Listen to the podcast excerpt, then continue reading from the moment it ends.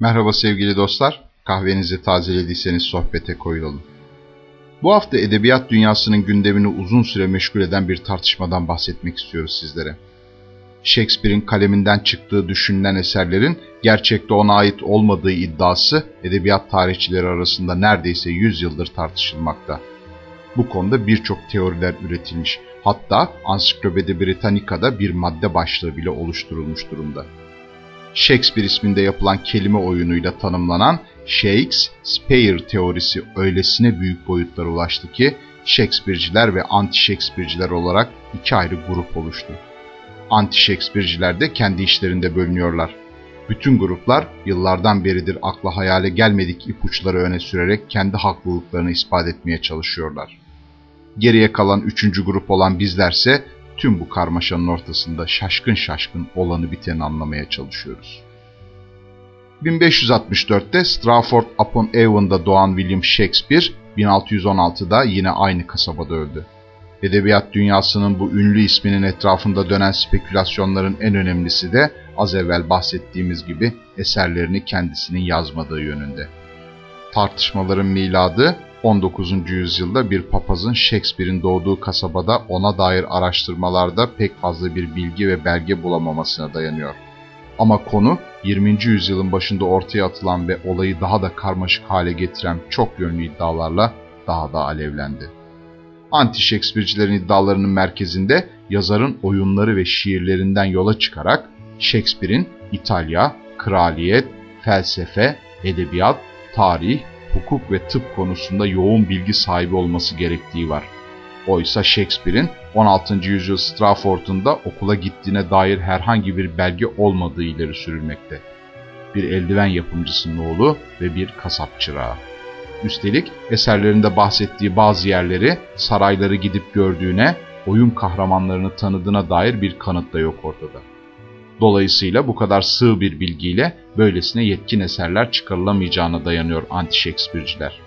Anti-Shakespeare'ciler bu eserleri onun yazmadığı konusunda ne kadar hemfikirlerse bunları kimin yazdığı konusunda da o kadar farklı görüşlere sahipler.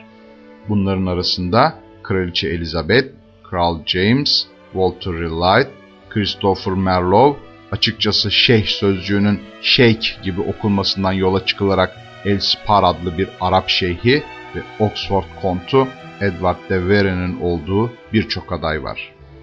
Geçen yıllar boyunca anti-Shakespeare'cilerin ortak bir adaya doğru yol aldıkları görüldü.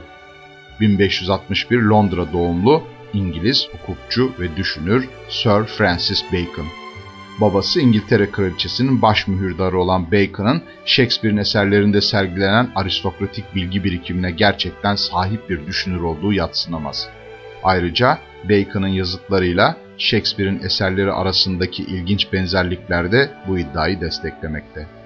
Ancak Bacon taraftarları başta olmak üzere anti-Shakespeare'ciler iddialarını kanıtlayabilmek için öylesine teoriler üretiyorlar ki Shakespeare'ciler artık bu çılgın fikirli fanatikleri umursamıyor ve yapıtları üzerinde yorum yapmaya tenezzül bile etmiyorlar.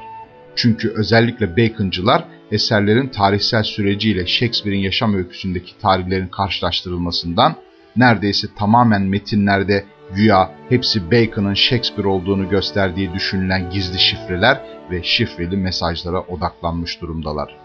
Hatta bir Amerikalı kadın Bacon'ın yazarlığını kanıtlayan belgelerin Shakespeare'in Stratford'daki mezar taşının altındaki bir çukurda gömülü olduğunu iddia ederek mezarı kazmaya bile kalkışmıştı. Bacon veya diğerlerinin neden kendi isimlerini değil de sıradan bir aktörün ismini kullandıkları ise ayrı bir tartışma konusu. Ama en çok kabul gören fikir o dönemde böylesine önemli aristokratların tiyatro oyunu yazmak gibi sıradan ve aşağı görülen bir işin altına kendi isimlerini koymaya cesaret edemediği yönünde. Ayrıca eserlerdeki keskin hicivlerinde Orta Çağ Avrupa'sında şiddetle cezalandırılacağı korkusu da göz ardı edilmemeli.